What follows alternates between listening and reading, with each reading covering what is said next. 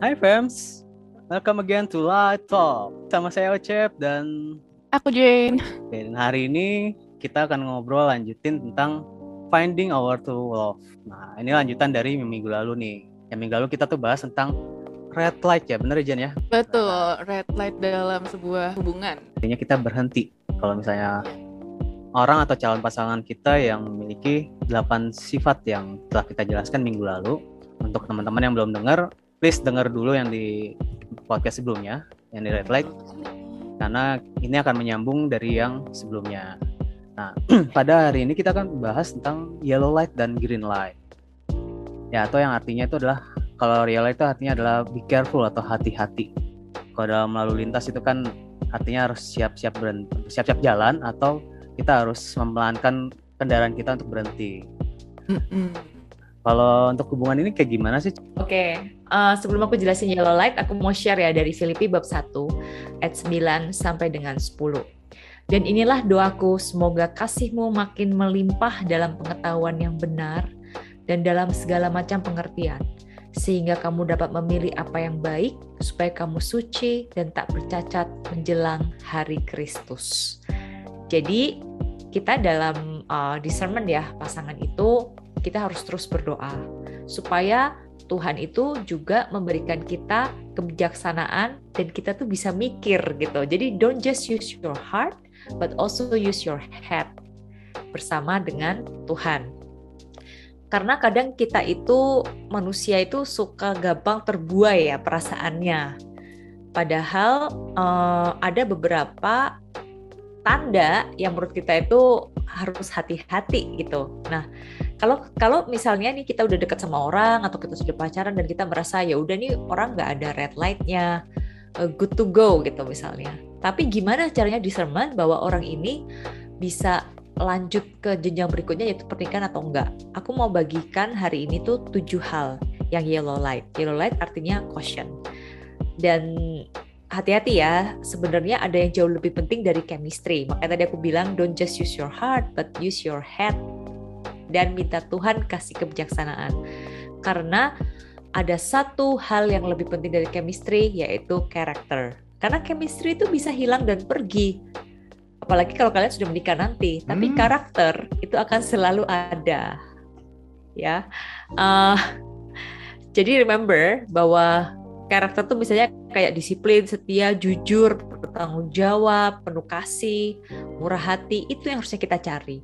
Karena chemistry, dan ingat bahwa chemistry itu nggak bisa bikin kamu keluar dari masalah. Tapi hmm. karakter itu bisa. Misalnya nih, anak sakit, nanti ya kalau kalian udah menikah punya anak, anak sakit, perlu bayar uang sekolah. Emang mau mau andelin chemistry doang tuh untuk biar anak sekolah atau misalnya jaga anak sakit enggak karakter yaitu apa kerja keras uh, bisa menanggung masalah dengan baik gitu ya mas punya bertanggung jawab ya bertanggung jawab gigih berjuang uh, orangnya takut akan Tuhan jadi dalam masalah dia selalu berdoa bersama dengan pasangan dan lain sebagainya jadi uh, itu yang harus kita benar-benar lihat karakter. Lampu kuning itu benar-benar uji terus karakternya seperti apa. Dan ada tujuh hal di sini. Yang pertama adalah do you respect the person? Apakah kamu menghormati orang itu? Dan ingat bahwa respect itu beda sama admire. Mengagumi itu belum tentu menghormati. Kan bisa hmm. nih, wah gue uh, kagum nih sama satu selebriti misalnya karena dia keren gitu. Oh, karena dia jago main basket misalnya. Atau wah keren ya dia itu uh, seorang CEO yang luar biasa gitu misalnya.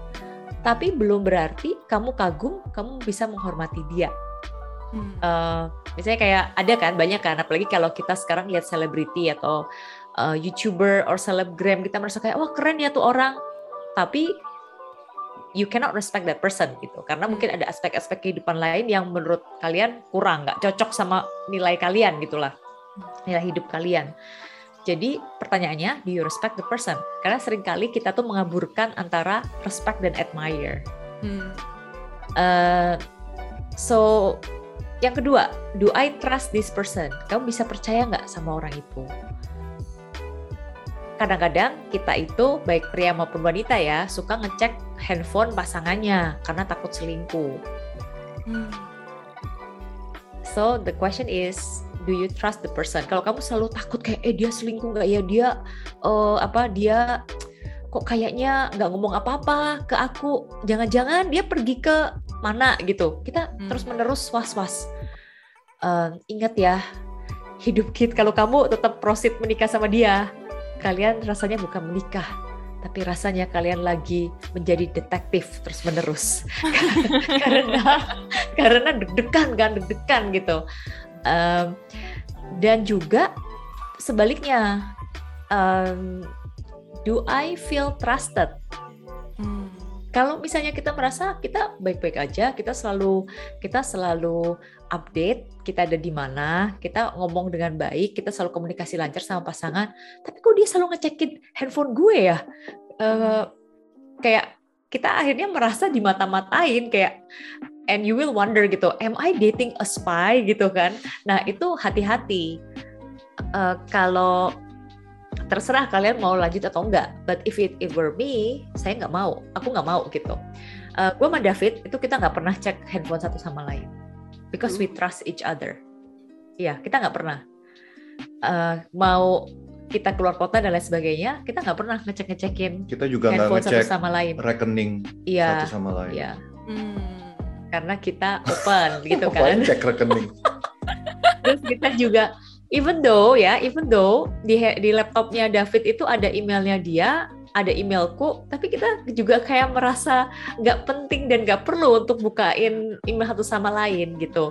And menurut gue pribadi, I I like this kind of relationship because we trust and we feel safe with each other gitu.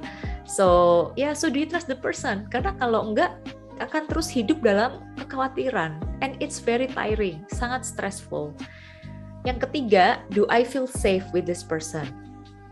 Uh, kalau misalnya nih, misalnya ya pas pacaran atau PDKT, kita ada ngambeknya atau marahnya itu wajar, namanya juga manusia kan, pasti ada konflik. Tapi kalau misalnya kalian di dalam relasi di mana kamu atau pasanganmu marah-marah terus, Nah itu hati-hati itu lampu kuning itu. Kenapa dia emosional atau emosinya tuh meledak-ledak gitu. Jadi either dia sering marah-marah, hal-hal kecil pun dibikin marah, dibikin perkara, atau dia meledak-ledaknya tuh over gitu loh, lebay gitu misalnya. Misalnya nih kita dia lapar nih ya, misalnya terus uh, kita telat telat kirimin makanan atau abang gojeknya kena banjir jadi telat ngirim makanannya terus dia bisa marah-marah. Gimana sih dia bang gojek? Oh gak ngerti gue lapar. Gue laporin nih. Gue laporin nih ke kantor pusat. Itu be not thoughtful right? Dan kalian harus hati-hati. Itu lampu kuning. Bayangkan kalau kalian menikah dengan orang seperti ini ya malam-malam anak rewel nangis-nangis terus dia minta makan gitu misalnya ya dia lapar nih minta dibikinin dibikinin misalnya kayak sandwich atau dibikinin mie instan gitu. Tapi anak lagi rewel nah kita pasti harus take care anak dulu kan terus tiba-tiba dia marah gebrak meja. Can you imagine that kind of marriage life? Aku sih gue sih nggak mau gitu ya. Uh, so that's why be careful uh, uh, be careful.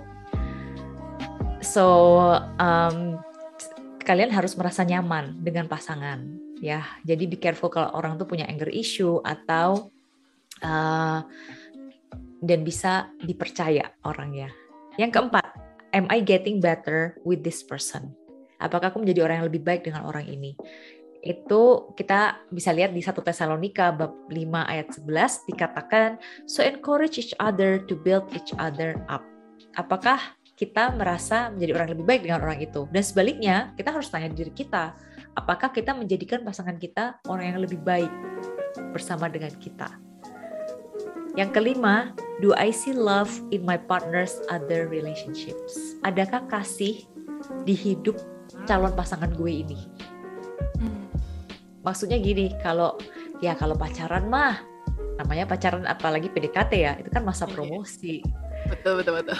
Will treat you like the most special person in the world ya kan? Kalian akan diperlakukan seperti ratu atau buat yang cocok kalian akan diperlakukan seperti raja gitu kan? Tapi lihat gimana cara dia memperlakukan mamanya, papanya, adiknya, kakaknya, teman-teman di sekitarnya. Dan gimana dulu dia dengan mantan-mantannya. Buk- Bukan berarti kita pengen kepo ya. Cuman kan maksudnya kalau kenapa ya dia selalu putusnya nggak baik-baik gitu, drama gitu misalnya. Atau semua mantannya kayak ninggalin dia tiba-tiba gitu. You need to be careful. Mungkin ada sesuatu. Atau misalnya cara dia memperlakukan mama papanya itu sangat tidak hormat. Misalnya suka marah-marah. Apaan sih ma? Udahlah ini hidup gue gitu. Be careful kalau kamu jadi pasangan yang nanti di merit kamu nanya gimana tadi? How's your day? Bisa digituin juga. Bisa digituin juga. Ngapain sih nanya-nanya? Gitu. Jadi uh, do you see love? Karena kalau pacaran itu ya semuanya indah gitu loh. Kabut. Semuanya tuh kabut gitu. Tapi relationship dia yang lain yang hari yang dia jalanin hari-hari itu gimana? Karena waktu kalian married nanti kalian kan jalaninya setiap hari. Jadi kalian harus ngelihat ya gimana dia memperlakukan orang lain di relationship yang dia sudah yang dia harus bangun setiap hari. Tuh. So yang keenam, apakah bisa resolve konflik atau menyelesaikan masalah dengan baik?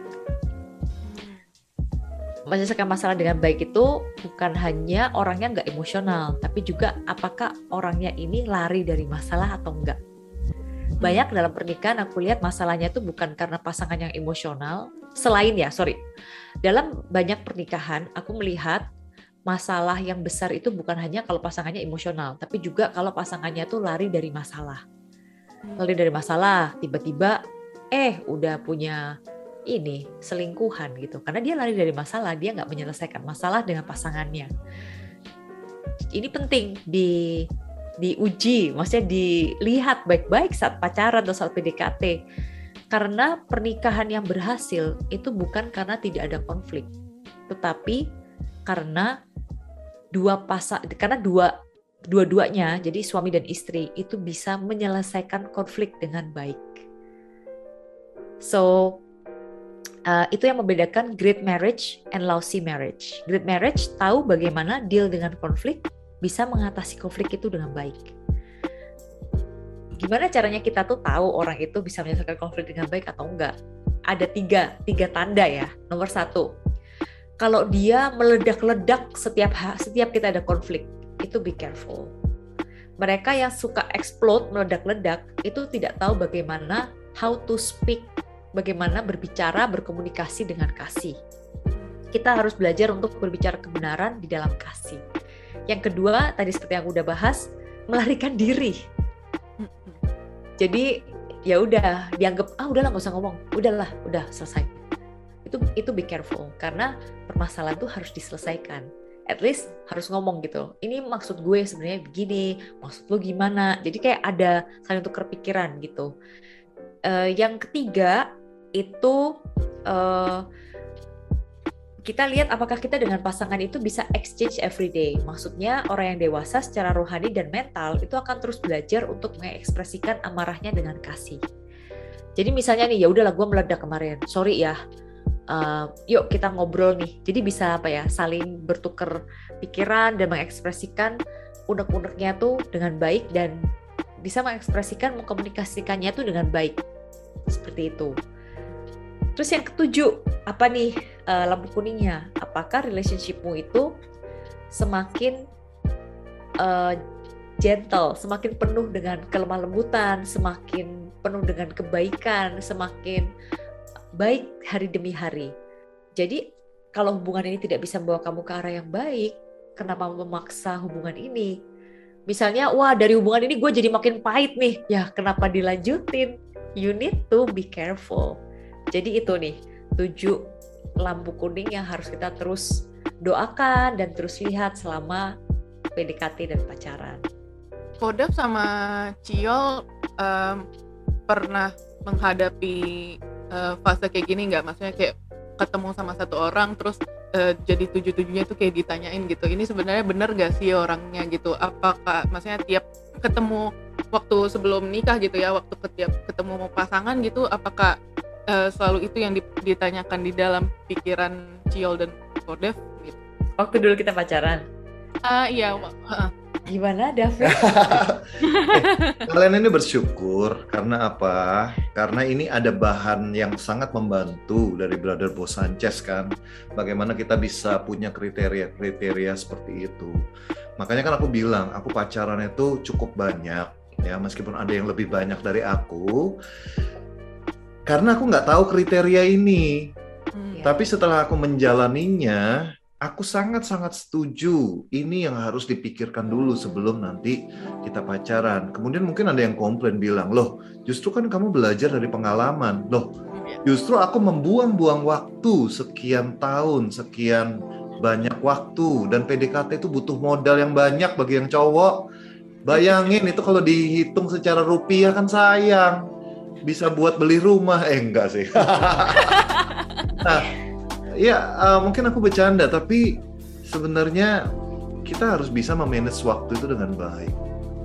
Ngapain harus lewat putus kemudian ya sedih-sedih melo sekian lama.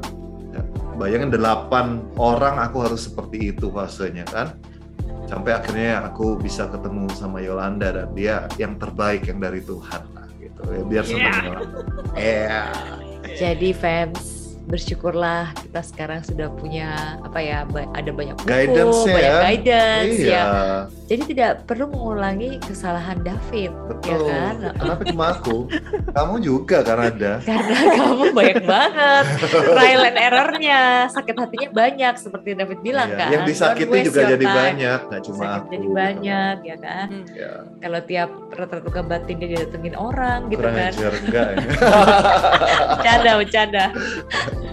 Banyak yang mau cuci kakinya David. Enak aja. Rata-rata batin. Ya. Gitu. Tapi benar, kita sudah melakukan beberapa bagian dari yang tadi Yolanda yang sudah sampaikan juga, even yang red light yang sebelumnya aku juga pernah sampaikan di podcast yang sebelumnya. Jadi uh, kalian bersyukurlah ada guidance seperti ini. Kalau ini dilakukan sebenarnya, well kita nggak bisa guaranteed, tapi aku percaya bahwa Tuhan akan memberkati hubungan kalian. Amin. Amin. Kalau orang yang suka tertarik pada orang-orang yang mungkin istilahnya melanggar dari yang lampu merah tadi, orang yang selalu tertarik itu berarti mereka punya inner brokenness gitu ya. Mereka tuh masih kurang paham bahwa diri mereka tuh berharga dan layak untuk mendapatkan yang lebih baik Betul sekali. Jadi selalu sebelum menjalin hubungan itu, kita harus melihat ke dalam diri kita sendiri terlebih dahulu. Kita harus pulih dulu, kita harus utuh dulu di dalam Tuhan. Kita tahu identitas kita sebagai anak-anak Tuhan, ya. Bahkan kita bisa lepas dari segala keterikatan dosa kita mungkin yang kita masih lakukan. Karena kita akan attract orang yang seperti kita kalau kita expect orang yang takut akan Tuhan, kita harus takut akan Tuhan terlebih dahulu. Kita uh, berharap kita uh, dapat orang yang bisa mengendalikan diri. Kita harus bisa mengendalikan diri kita terlebih dahulu dan seterusnya. Hmm. Jadi harus kita utuh dulu ya, utuh dulu di dalam Tuhan. Hmm. Karena orang kan mikir, oh nanti dia pasanganku akan membuat hidupku lebih baik. No, hidupmu harus baik terlebih dahulu Yeah. Karena nanti terlepas kamu dapat pasangan yang sesuai ekspektasi ataupun tidak, kamu sudah utuh. Kamu yang akan nanti menginfluence atau memberkati dia. Jangan sampai sebaliknya. Gitu, Cep. Carilah satu, Cep. Kita doakan. Kita doakan nyari sih selalu nyari kok. iya, cuman ganda Cuman belum dapat jawaban dari Tuhan gitu kan. Eh iya. Iya, eh nggak usah curhat. Ayo lanjut yuk, lanjut. Oke, fans tadi kan kita udah dengar dari Cio tentang yellow light. Atau kita harus hati-hati boleh lanjut atau hentikan hubungannya. Nah, ini mungkin rambu yang berikutnya ini adalah rambu yang paling kita tunggu-tunggu ya. Nah, ini Ocep udah nunggu banget nih. Jalan, jalan, jalan. Jadi rambu apa sih yang, yang menandakan kita tuh harus lanjut atau kita bisa melanjutkan gitu untuk mendekati orang tersebut atau melanjutkan ke hubungan yang lebih serius atau jenjang pernikahan. Ini mungkin dari siapa hmm. Cio atau kalau David? Oh Cio lah, Cio. Dasar nih David. Cio lagi, Cio lagi. Nanti kamu uh, tambahin ya, Beb. Oke. Okay. So, lampu hijau ya. Jadi kalau kita sudah tahu oh ya dia punya karakter dan kita punya purpose dan value of life-nya sama ada masih ada beberapa hal yang harus kita terus gali ya sebelum kita itu ke hubungan yang lebih serius yaitu ke pernikahan. Ada 10 hal nih yang harus kita bicarakan. Nomor satu adalah keuangan. Well, kita nggak bisa munafik ya. Uang itu, uang bukan segalanya, tapi uang itu penting. Betul. Dan menurut survei, 50% dari pertengkaran rumah tangga itu disebabkan oleh masalah financial. Hmm. Dan hal diskusi tentang, jadi lampu hijaunya akan lebih banyak membahas hal praktikal. Karena kita sudah melewati karakter kan, udah karakter assessment sudah nih di lampu merah dan lampu kuning. Sekarang lampu hijau ini lebih yang praktikal, yang benar-benar masalah-masalah praktis dan real yang akan dihadapin kalau kita masuk ke jenjang pernikahan. Nah, per, masalah keuangan ini bukan hanya bukan hanya um, lu gajinya berapa atau pendapatannya berapa, bukan itu aja, tapi juga bagaimana masing-masing pasangan itu mengelola keuangan. Karena ini bisa jadi masalah. Misalnya, uh, kan dalam pernikahan itu harus punya account bersama. Jadi nggak boleh, maksudnya gini, nomor rekening boleh beda, tapi kita harus saling tahu, Open. harus open. Karena kan Hmm. kita bukan lagi dua tapi satu. Ya. Jadi nggak ada lagi yang eh itu duit gue, itu duit lo, nggak ada. Itu duit Hmm. kita bersama. Mau siapa yang kerja itu duit kita bersama. Dan em, oleh karena itu, karena semuanya itu menjadi satu, harus mempunyai cara pengelolaan keuangan itu yang sama dan harus disepakati. Jadi misalnya nih, ah, ada Beli sepatu. ada ya kayak beli sepatu tapi saya kayak ada hutang nggak waktu single karena itu akan dibawa pada saat menikah dan itu akan menjadi hutang bersama. Terus apakah keuangan akan diserahkan atau dihandle oleh suami atau istri? Siapa yang akan mengelola? Apakah eh, suami saja yang bekerja atau suami istri bekerja bersama? Nanti kalau udah punya anak apakah istri berhenti bekerja atau bagaimana? Itu harus dibicarakan. Kalau nggak dibicarakan ini bisa jadi masalah yang besar saat menikah. Kemudian bagaimana memberi persembahan kasih. Kemudian uh, misalnya ada orang tua salah satu orang tua kita yang harus disupport. Itu kita harus discuss sebelum menikah. Jangan sampai kayak habis menikah kayak loh kita harus kasih uh, mama lo tapi mama gue nggak perlu dikasih. Gitu. Nah, terus berantem kan akhirnya kan. Jadi harus clear dari sebelum menikah. Kita support orang tua berapa terus kemudian persembahan kasih eh, kemudian juga investasi mau seperti dalam bentuk apa.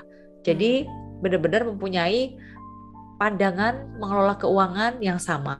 Nah kalau nggak sama gimana? Ya itu yang harus dibicarakan dulu sebelum nikah misalnya kayak kayak gue boros gitu kan. Kalau Davidnya lebih punya pengendalian diri kalau gue nggak punya pengendalian diri dalam belanja. Oh iya, jadi ya itu bisa jadi konflik. Tapi gimana cara kita mengkomunikasikan paket.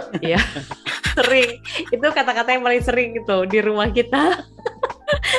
Terus yang nomor dua adalah harus membicarakan tentang anak. Anak dan parenting. Jadi bisa tanya cara cara keluarga lu membesarkan anak gimana? Cara eh, keluarga gue membesarkan anak gimana? Karena tanpa kita sadari kebiasaan orang tua kita itu yang akan kita bawa saat kita punya anak. Jadi kita harus tahu. Walaupun ya kita bilang oke nanti gue kalau mau punya anak gue gak akan menjadi seperti orang tua gue. Believe it or not tanpa kita sadari kita akan meniru cara orang tua kita. Jadi siap-siap. Maksudnya gini tujuannya adalah pasangan itu kalau ngelihat ada yang baik dan ada yang buruk itu bisa ngingetin kita. Ayo kita kan sudah sepakat ya parentingnya seperti ini yuk sama-sama yuk gitu. Cuman pasangan bisa bantu untuk mengingatkan kalau kita sudah mulai uh, masuk ke tendensi yang kurang baik yang kita bawa dari orang tua kita dulu gitu misalnya. Jadi harus sama-sama tahu. Terus berapa banyak yang mau di yang mau dipunyai laki-laki atau perempuan? Hmm. terus benar-benar sudah clear siapa yang menjadi yang mendisiplinkan anak Laki-laki atau perempuan itu relatif ya. Iya, Kalau sudah dekat uh-uh. sama Tuhan mah dua-duanya baik. Iya. benar ya benar nah misalnya nih misalnya kan kita sudah di diperbarui dengan Tuhan kita ya udahlah perempuan laki-laki sama aja tapi misalnya mamanya yang laki-laki dari keluarga tradisional menuntut harus ada anak laki-laki misalnya nah pasangan kita misalnya gue nih suami gue bisa nggak membantu untuk mengeksplain, menjelaskan kepada orang tuanya supaya tidak perlu ada perang antara menantu dan mertua. Seperti itu. Jadi maksud maksudku tadi harus dibahas perempuan laki-laki itu ya kita semua uh, sudah dewasa ya secara rohani dan dan mental. Kita juga sudah tahu nggak ada perbedaan antara laki-laki perempuan itu sama aja. Tapi kan how to manage parents kita misalnya kalau ada yang ekspektasi ya. Tuh terus seberapa banyak expense yang kita investasikan untuk pendidikan anak kadang ini bisa jadi masalah ada yang mau sekolah swasta ada yang bilang ah, nggak usah lah sekolah negeri aja ada yang mau kayak oh gue mau anak gue sekolah internasional akhirnya berantem pas merit ini harus di harus disamakan ekspektasi ini kemudian yang terakhir, bagaimana jika ada kesulitan untuk punya anak? Itu seperti yang terjadi sama kita berdua. Kita sampai sekarang belum punya anak. Kita sudah hampir 10 tahun menikah. Tapi karena kita mempunyai values yang sama di dalam kita memegang prinsip yang sesuai dengan gereja Katolik. Jadi ya udah anak itu anugerah mau punya anak nggak punya anak itu terserah Tuhan. Yeah. Tapi ini bisa jadi masalah. Ada pasangan yang uh, terutama cewek ya istri ini nangis nangis merasa bersalah aduh gue yang punya anak nanti suami gue gimana selingkuh nggak ya segala macem nah ini semua harus dibicarakan pada saat kalian pacaran untuk benar-benar menerima ya udah punya anak gak punya anak itu anugerah dan terserah rencana Tuhan rencana Tuhan pasti yang terbaik hmm. itu harus disamakan ekspektasi itu sebelum nikah yang ketiga adalah iman iman dan agama banyak manfaat yang bisa didapatkan ketika kita menikah dengan orang yang seagama. Kan pasti banyak yang nanya nih, boleh nggak sih nggak seagama segala macam. Atau misalnya beda gereja boleh nggak? Ya. Kalau kita itu menyarankan sama values-nya. Karena itu meminimalisir konflik. Apalagi kalau ada anak. Anak mau dididik dalam agama apa, dalam values apa, gereja mana, itu bisa jadi pertengkaran besar. Jadi make sure you choose the right person sebelum sebelum menikah gitu ya. Jadi tadi aku ulang ya yang pertama keuangan, dua anak, tiga iman, keempat mertua. Harus dibicarakan apa yang akan kita lakukan kalau orang tua kita, mertua atau ipar itu campur ikut mau campur tangan dalam pernikahan kita. Itu harus agree. Bagaimana menghadapinya? diskusikan bersama. Terus kemudian ekspektasi visit mertua berapa sering itu juga harus didiskusikan. Karena bisa nanti berantem. Ah, lu nggak pernah ngunjungin bokap gue, gue terus yang ke rumah bokap lu gitu kan. Akhirnya ada loh berantem. Ini. Kenapa kita share karena ada iya. case-case iya. seperti itu. Terus kalau ada masalah keuangan mertua dan ipar, apakah kita mau membantu secara keuangan maupun secara uh, hal yang lain ya, misalnya kayak bantu bantuin misalnya jagain anaknya dan lain sebagainya itu harus harus sepakat sebelum menikah jangan kayak oh ya nanti aja. Pasangan gue pengertian kok pengertian. Begitu menikah langsung jeng jeng hah kok begini? Kok begitu? Ingat ya jangan berasumsi. Mendingan kalian ngomong sebelum menikah. Karena kalau kalian berasumsi kalian akan banyak makan hati saat menikah. Karena kaget gitu terkaget-kaget ya. Gak sesuai ekspektasi. Gak sesuai ekspektasi. Karena nggak usah jauh-jauh. Kita sama adik atau kakak kita aja walaupun sama orang tuanya itu bisa berantem kan apalagi kita dengan pasangan dari orang tua keluarga yang berbeda. Ya. Jadi pasti punya ekspektasi yang berbeda, pasti punya asumsi yang berbeda. Jadi lebih baik dikomunikasikan dengan baik sebelum menikah. Makanya waktu pacaran itu waktunya komunikasi ya mulutnya itu dipakai buat ngomong bukan buat yang lain ya seperti itu ya ketawa nih. Ketawa. Beneran kan anak-anak ya, sekarang. benar benar. Fokusnya jadi ke sana. Ya betul. Melupakan hal yang esensi yaitu komunikasi.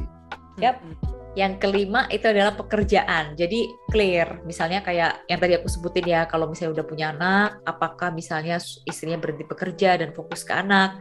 Terus kalau misalnya weekend, apakah istri dan suami ini expect masing-masing ya udah quality time. Ada pekerjaan pun you have to say no misalnya.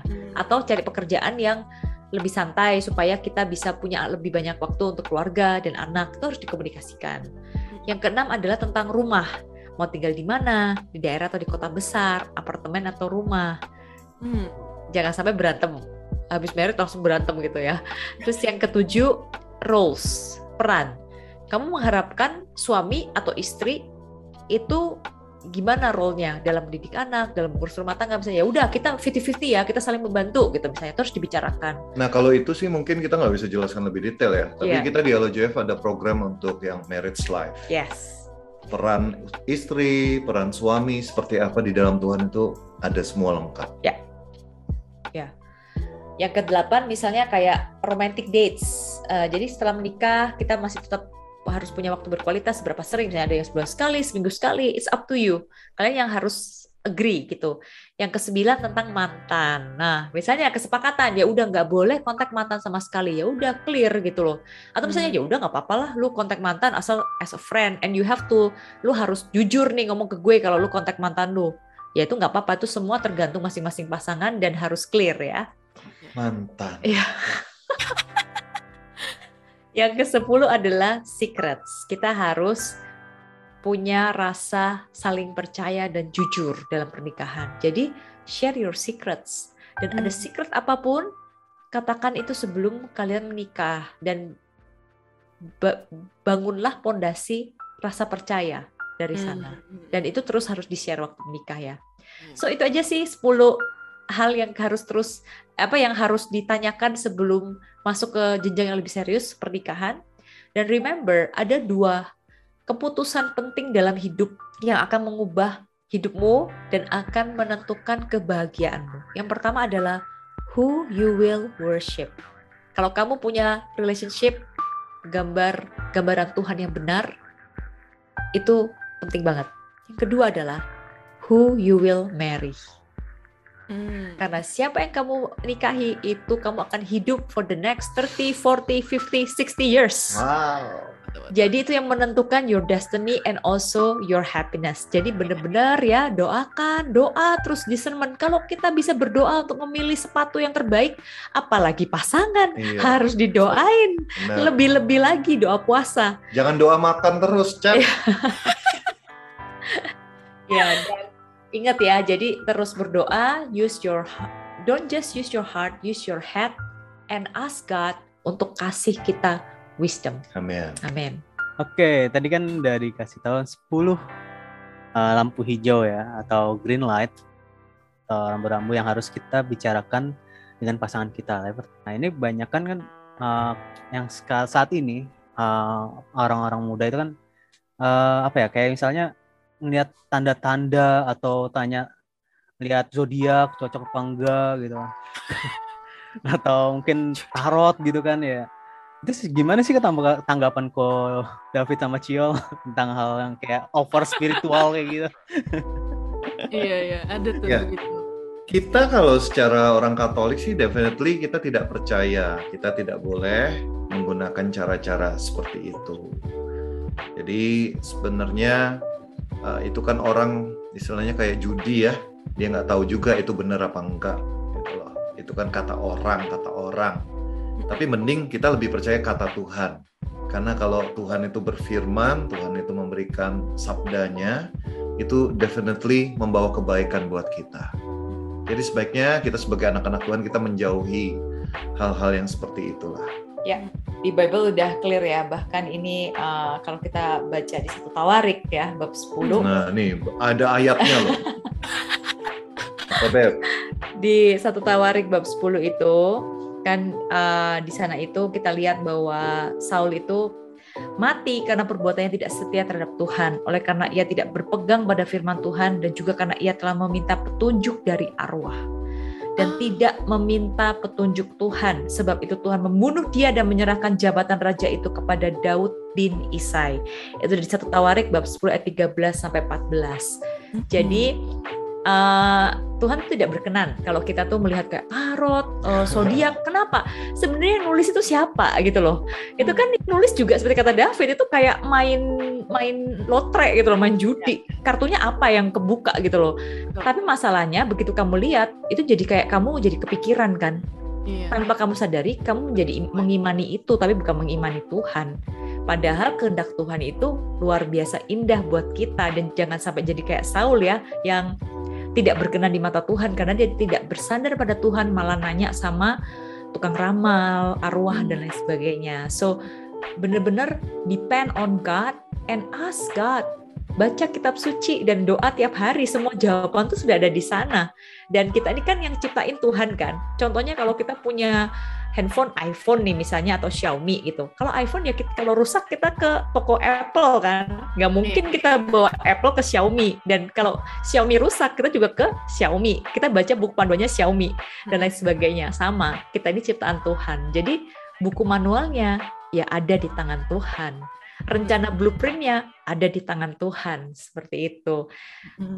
Tapi aku sadar juga sih ada beberapa orang itu yang over spiritualize dalam artian gini. Kalau tadi kan ramalan itu udah udah jelas no way ya. Tapi ada hmm. beberapa yang terlalu over spiritualize dalam artian gini. Berdoa Tuhan, kalau waktu aku dulu ke suatu taman waktu berdoa ada kupu-kupu putih nih. Berarti kalau aku ketemu cowok Tuhan ada kupu-kupu putih, itu dia adalah jodoh dari engkau itu be careful ya. Itu juga salah itu gitu.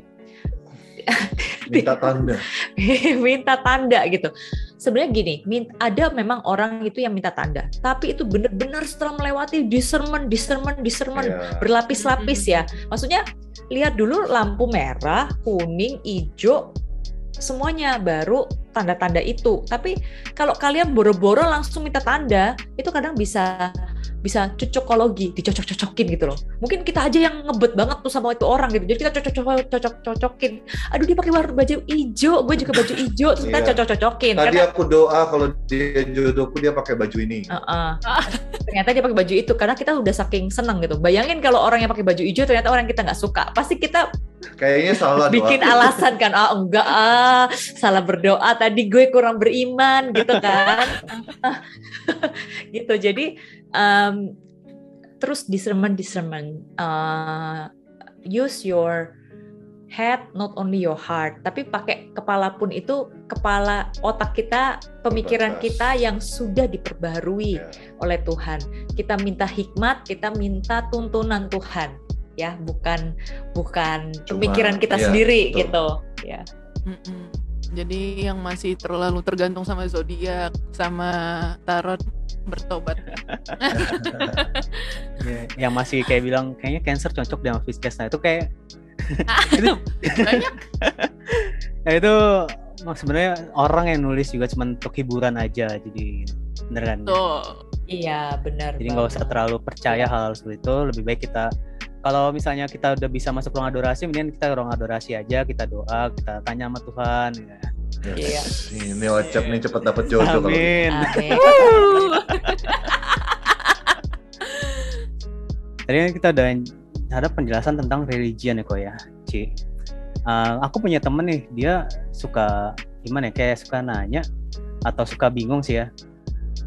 Sebenarnya dia tuh sekarang punya hubungan atau lagi deket sama seseorang tapi dia tuh beda agama dengan dia dia kayak dia tuh kayak merasa ya daripada gue nyari lagi yang ada aja lah karena kita udah saling sayang dan dia dan saling merasa dia kok bisa dia bisa ikut kok ke agama gue gitu atau bisa kok berjalaninnya gitu itu gimana tanggapan Koko dan Cici? Oke, okay. Uh, kita akan jawab dari pendapat pribadi kita ya. Sekali lagi ini uh, note catatan the disclaimer. Karena kalau kita lihat di gereja Katolik itu kan ada beberapa yang dikasih dispensasi, ya kan? Uh, setelah menjalani misalnya kayak di interview sama romonya dan lain sebagainya. Tapi kalau misalnya dari kita berdua secara pribadi, um, sebelum menjawab pertanyaan itu, sebenarnya kita mau tanya, what is your purpose in life? Apa tujuan hidupmu? Apa tujuan kamu menikah, dan pernikahan seperti apa yang ingin kamu punyai. Karena banyak banget ya orang itu sekarang hidup itu seperti walking zombie, aku bilangnya, zombie yang berjalan. Mereka cuman hidup tapi tidak punya arah. Ya udah, ini sudah waktu. Jadi kayak ibaratnya yang aku ngomong di podcast sebelumnya ya, kayak checklist doang. Ya udah udah umur segini harus harus merit umur segini harus dapat kerja umur segini harus punya anak umur segini oh anak kedua anak kedua gitu ya. Uh, umur segini harus misalnya kayak uh, ngapain gitu. Hmm. so tapi menurut aku sayang kalau kalian punya hidup seperti itu. Karena itu kan hidup berdasarkan standar yang dunia dictate yang dunia kasih ke kamu. Tapi apa yang Tuhan mau? Karena nggak semua orang itu punya tujuan untuk nikah misalnya. Nggak semua orang juga diberi diberi uh, anak gitu misalnya sama Tuhan. But it's okay. Kita harus terus mencari tujuan tujuan uh, hidup kita dan kalau kita menemukan tujuan hidup kita itu kita akan hidup itu benar-benar penuh dengan sukacita dan kayaknya bangun pagi itu penuh dengan purpose. Bersemangat gitu loh. Nggak cuma kayak oh it's Monday again gitu. Nggak kayak gitu tapi bersemangat. Yes it's Monday gitu. Ini hari Senin. Oke okay, gue akan melakukan ABC untuk memuliakan nama Tuhan. Kayak lebih bersemangat gitu loh. Karena kamu tahu kenapa kamu hidup. Demikian juga dengan pernikahan. Kamu mau pernikahan yang ya udahlah ya pokoknya menikah. Atau kamu mau menikah yang benar-benar penuh dengan sukacita dan punya tujuan gitu. Itu bedanya gitu. Dan aku pengen nanya itu dulu sih sebelum menjawab boleh atau enggak. Karena hmm. kalau dijawab boleh atau enggak tapi kalau nggak tahu reasonnya itu itu akan susah gitu loh. Jadi debat kusir. Hmm. dan kalau aku dan David kita berdua ini uh, sependapat lebih baik kamu seiman dan satu nilai. Karena dalam dunia pernikahan itu challenge-nya banyak. Ya challenge-nya banyak. Hmm. anak mertua beban keuangan ya cicilan KPR gitu kan misalnya. Nah tetapi dan ada banyak hal-hal yang tidak bisa kita kontrol. Misalnya kayak kematian keluarga itu kan happen all of sudden. Pandemi covid itu tiba-tiba mengguncang dunia kita juga kan, dunia secara keseluruhan dan juga pasti banyak keluarga yang tergoncang finansial atau ada yang kehilangan keluarganya atau misalnya anaknya kena COVID atau pasangannya kena COVID, itu is a challenge. Nah, dunia pernikahan itu stressful, banyak challenge-nya. Kalau tapi kalau kita sama values-nya dan sama imannya, itu kita bisa memandang itu dengan satu frekuensi. Betul. Ya udah, kita berdoa aja. Ini Tuhan pasti kasih jalan. Kita bisa saling menguatkan. Punya anak misalnya, udah nggak nggak nggak berantem dulu. Eh, anak kita nanti uh, dibaptis nggak ya? Eh, anak kita uh, ya udah hari Minggu anaknya ikut gue, hari Sabtu ikut dia. Itu stressful, stressful hmm. dan bisa menjadi uh, pertengkaran. Jadi hmm. kenapa kamu harus mencari pertengkaran yang lebih kalau kamu punya option yang lain gitu loh maksudku. Uh, kalau punya option untuk mempermudah hidupmu gitu loh maksudnya. Jadi hmm. ya itu sih dari uh, pandangan kita ya. Um, pandangan kita. Dan kalau misalnya banyak orang bilang ya daripada harus cari lagi daripada harus susah-susah. Balik lagi what kind of marriage do you want? Hmm. and kalau kalian tahu oh aku maunya setinggi ini tapi kalian settle-nya di tengah-tengah. Kenapa? Kenapa pertanyaannya? Misalnya kayak oh aku takut kesendirian. Kenapa kamu takut sendiri? Why? Hmm. karena sebenarnya kehidupan pernikahan tuh bukan segalanya loh.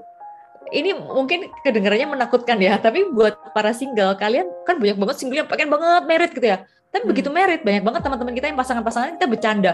Ya elah, single pengen merit, kita yang, yang merit pengen balik single gitu ya. Itu bercanda ya, bercanda ya. Cuman maksudnya, uh, maksudnya candaannya tuh dalam artian kita tuh sebenarnya pengen, hey singles, you need to know what you get yourself into when you're married pernikahan itu bukan suatu kan karena kita tuh kebanyakan lihat dongeng gitu loh happily ever after gitu kan. Padahal begitu kamu masuk ke pernikahan ini adalah suatu proses yang mendewasakan kita. Challenge-nya lebih berat. Challenge-nya lebih berat karena berhadapan dengan dua keluarga. Pernikahan itu indah aku bukannya bilang nggak indah ya indah. Yeah. but you need tertakut merit yang iya ya itu bercanda ya guys. Maksudnya pernikahan itu indah tapi kalian harus menikah dengan orang yang tepat karena proses pernikahan itu banyak challenge-nya. Ini proses yang indah karena mendewasakan kita. Ya. ya. Karena kita bertanggung jawab akan lebih banyak hal lagi.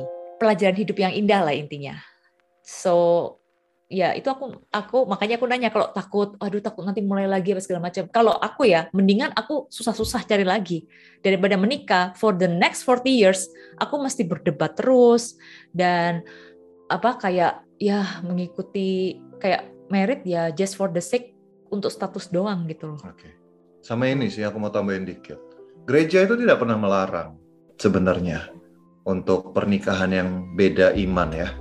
tapi gereja menganjurkan untuk kita itu bisa menikah dengan yang seiman. Ada alasan kenapa pernikahan itu merupakan salah satu sakramen.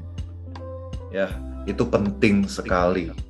Tanda kehadiran Allah di sana. Kalau misalnya dua orang ini itu menikah berbeda agama dan belum mendapat izin, tidak meminta izin ke gereja Katolik, otomatis dia yang Katolik tidak bisa menerima Ekaristi. Hmm. Kalaupun sudah meminta izin pun, dia bisa terima Ekaristi, sedangkan pasangannya pasti kalau dia nggak Katolik, dia nggak boleh terima dong. Sedangkan Ekaristi itu merupakan salah satu cara untuk menyatukan hati, iman, dan rohani, kehidupan rohani dari sebuah keluarga. Nah, kalaupun minta dispensasi, itu dari yang Katolik.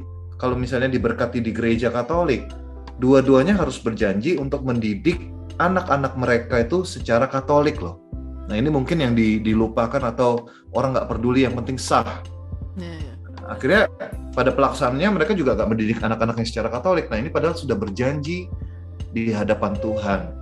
Jadi itu sih selain yang Yolanda sampaikan tadi sebenarnya kalau gereja Katolik sangat-sangat menganjurkan untuk kita itu bisa mendapatkan pasangan yang seiman ya. Tidak memaksakan tapi menganjurkan. Tuhan juga sama seperti itu. Dia memberikan kita kehendak bebas.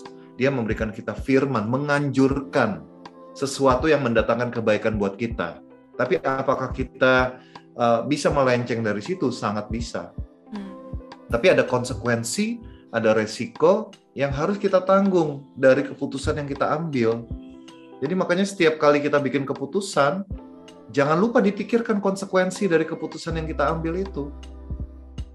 Itu aja sih tambahan dari aku. Terus ada lagi teman aku yang nanya nih, Dian udah banyak ya teman lu ya, Chan? ada yang nanya, dia dia tuh udah coba deketin berapa orang berapa cewek istilahnya. Dia cowok teman aku dia deketin cewek gitu kan. Nah terus uh, temanku ini orangnya ya good looking terus dia juga orang berada juga pokoknya berada lah low depth gitu. Nah tapi dia kalau saat deketin cewek itu selalu gagal selalu apa ya selalu ditinggal gitu. Nah dia bertanya apakah dia uh, nurunin apa istilahnya kriteria dia atau gimana gitu yang penting dapet lah gitu Gimana tuh kok sebagai cowok? Oh desperate banget sih, Cep. Bukan aku. selalu selalu dilihat introspeksi itu ke dalam. Hmm. Karena masalah berada, good looking itu itu kriteria yang dianggap itu yang paling atas. Tapi sebenarnya ketika menjalin hubungan, wanita itu nanti akan lebih lihat ke karakter seperti yang tadi kita sudah bahas ya di podcast yang sebelum-sebelumnya juga ya. Apakah dia juga bisa berkomunikasi dengan baik? Apakah dia bisa mengerti pasangannya? Banyak seperti itu yang dilupakan. Karena berpikir ya udahlah kalau kaya pasti bisa dapat pasangan dengan gampang. Bisa. Ya ada om-om dapat 17 tahun misalnya. Uh kaya raya. Tapi apakah itu relasi yang baik atau yang diinginkan Tuhan belum tentu. Yang cewek lihat itu omnya jelek tapi kaya raya, ya berarti apa motivasinya? Lihat duitnya, yang penting hidupnya ini. Apakah nanti mereka akan mengalami kebahagiaan? Ya, hanya pasangan itu dan Tuhan yang tahu. Tapi ya kita tahu sama tahu lah gimana. Ya, sesuatu yang tidak didasari oleh kasih yang sesungguhnya pasti juga bakalan nggak enak sih. Itu menurut aku ya disclaimer secara pribadi. Ya. Yolanda? Uh, kalau dia ditinggalin cewek terus nih ya, Cep, sebenarnya mungkin uh, sekali lagi seperti yang tadi David bilang introspeksi diri, karena ada dua ada dua kemungkinan. Kan ibaratnya gini nih ya, misalnya nih, hmm, ini ibarat ibaratnya ini aku kasih ilustrasi yang sedikit apa ya, uh, sedikit uh, blunt mungkin. Uh, misalnya nih, kita levelnya kelas 1 SMA nih. Terus kita ambil ujian, kita gagal, gagal, gagal terus. Apa yang kita lakukan biasanya? Kita introspeksi kan, oh mungkin gue kurang belajar, oh gue harus ambil les, gue harus ambil remedial gitu kan misalnya. Tapi bukan bukan gini kan solusinya. Ya udahlah, gue ambil ujian kelas 1 SMP aja karena gue nggak nggak bisa nih satu SMA. Nah, kalau dalam hal pelajaran tuh kita tuh bisa berpikir jernih, tapi kenapa pada saat kita berpasangan itu kita tuh jadi nggak nggak masuk akal gitu loh. Ya udah gue ditinggalin terus, ya udah gue turun kelas deh gitu loh. Hmm. Maksudnya kamu harus tahu nilaimu di mata Tuhan tuh berapa. Kalau kamu ditinggalin terus, mari kita introspeksi bersama dengan Tuhan Yesus. Hmm. Satu, apakah mungkin kita itu memang harus ada yang benahi dari diri kita? Misalnya kita baik, tapi kita tuh diem aja gitu loh. Misalnya kita itu suka suka saking baiknya kita suka lari dari masalah. Nah mungkin ceweknya gregetan gitu loh. Ya udah, mari kita memperbaiki diri kita gitu. Uh, ya semakin dekat sama Tuhan, ikut light group, ya kan bertemu dalam Firman untuk menjadi cowok yang misalnya nggak lari dari masalah gitu. Yang nomor dua, atau mungkin nggak ada masalah dalam diri kita, tapi kita tuh selalu attract cewek yang salah. Kenapa? Mungkin gambar diri kita yang harus dibenahi. Jadi sehingga ya kita selalu menarik misalnya cewek-cewek yang yang player gitu misalnya ya. Ya udah apa suka atau cewek-cewek yang challenging, yang suka ninggalin kita gitu misalnya. Karena kita nggak punya gambar diri yang benar gitu. Ya itu yang harus dibenahi. Jadi apakah sifat kita atau gambar diri kita yang harus dibenahi? Ya, tadi kan dibilang uh, gereja apa yang menyarani untuk yang seiman. Sebenarnya dalam bentuk apa sih sebenarnya uh, ada wadahnya nggak sih kita untuk mencari yang seiman itu? Oh ya benar deh. Banyak kan Ya, orang bingung tuh. Sebenarnya wa hmm. ya benar-benar. Hmm, Kan wadah itu tergantung kita, Cak. ya Ya, saya kumpulan. Jadi kalau misalnya kita lebih gampang sih memang kayak masih masih sekolah ya. Ah, SMA, kuliah itu kan intensitas kita ketemu akrab itu lebih gampang. Begitu kita kerja itu semakin menyempit nih kalau orangnya nggak rajin bergaul ya, lebih ke teman kantor. Nah kayak komunitas gini kan di LOJF kita juga banyak teman-teman kita yang sebelumnya uh, single kemudian bergabung di komunitas, eh mereka ketemu teman sejodoh. Atau mungkin di paroki, makanya di paroki jangan cuma istilahnya misa terus pulang mungkin bisa ikut uh, yang belum tergabung di komunitas atau apa pun ada kegiatan-kegiatan gereja di mana kita bisa ketemu kan tergantung kita sebenarnya kita punya intensi nggak untuk cari pasangan Ya. gitu. ya gimana Beb? benar. Ah, dan ini mungkin kita bahas di beberapa poin sebelumnya ya, which is uh, kita um, selama belum belum punya pacar, maksudnya waktu single, ya be friends with a lot of people gitu kan. Dan kamu tapi dalam memilih pertemanan, kamu harus melihat kayak mana yang membangun kamu dan yang sesuai dengan values kamu gitu. Dan termasuk dalam kalau kita mau cari pasangan ya, misalnya uh, itu bergaul dengan teman-teman yang yang satu paroki, satu komunitas. Kan banyak tuh sekarang ya komunitas Katolik. Kemudian juga kita bisa aktif di kegiatan-kegiatan paroki. Banyak sebenarnya tadi yang seperti David udah share. ya Kemarin aku sempat singgung juga tentang LG. Nah, mungkin bisa bantu jelaskan aja. Ya. Jadi LG itu adalah salah satu merek televisi atau produk elektronik. Nggak salah sih benar. Tidak Dan- salah. Jadi kalau di LOJF itu kita punya kalau teman-teman biasa mengenal komunitas basis atau komsel ya. Hmm. Tapi nama kita itu LG atau Light Group. Jadi berisikan orang-orang dengan jumlah kurang lebih 7 sampai 12 idealnya di mana kita biasa bersekutu bersama seminggu sekali. Di situ ada pujian, penyembahan, kemudian ada firman, kemudian kita sharing juga sesuai dengan firman atau kehidupan kita. Nah sebenarnya itu nggak cuma seminggu sekali, tapi LG sendiri itu merupakan sebuah keluarga kecil, di mana uh, kita bisa care satu dengan yang lain. Tapi selain care, sesuatu yang kelihatannya cuma uh, indah-indah aja enggak. Tapi karena kita beda karakter, kita beda background, masa lalu, bisa jadi ada perbedaan pendapat, bahkan ada konflik atau perselisihan. Tapi firman Tuhan bilang gini, besi menajamkan besi, manusia menajamkan sesamanya. Justru jangan dihindarin. Kita harus belajar kayak di grup kecil gitu, bagaimana solve problem, bagaimana kalau kita ketemu dengan orang dengan karakter yang lain. Nah ini juga sangat-sangat bagus untuk modal kita itu bisa berelasi mencari pasangan. Kenapa? Kita jadi orang yang lebih dewasa. Jadi di LG itu sebenarnya yang jadi sasaran kita adalah karakter kita itu diasah. Karakter Kristus semakin serupa dengan Kristus. Jadi di mana ada kasih, ada pengendalian diri, ada buah roh dari kehidupan kita. Nah, itu. Jadi nanti itu akan sangat bermanfaat untuk kita menjalin relasi. Ya, mungkin uh, ada fans yang tertarik gitu kan tentang LG ingin berkomunitas bersama itu gimana sih daftarnya? Atau gimana sih cara gabungnya itu gimana gitu? Simpelnya adalah bisa kirim aja chat ke kita punya IG LOJF Indo ya atau setiap uh, Sabtu kita ada Fish at Home di YouTube channel kita jam 4 sore. Di situ juga biasanya sudah ada formnya. Jadi hmm. tinggal isi aja. Nanti uh, teman-teman dari LOJF akan kontak kalian yang rindu untuk bergabung bersama. Iya, betul. Um, thank you buat Ci Yolanda dan Ko David udah meluangkan waktu untuk hadir di podcast kita kali ini. Sama-sama. Um, banyak banget uh, apa ya nilai-nilai yang bisa diambil, terus banyak pelajaran gitu dan aku rasa um, fans-fans yang dengerin pun mendapat apa bahasanya pencerahan dengan dengerin sharing dari uh, Kodep sama Ciolanda. So thank you very much. Sama-sama. Thank you. Sama-sama. Jadi fans hari ini kita udah sampai di penghujung podcast kita.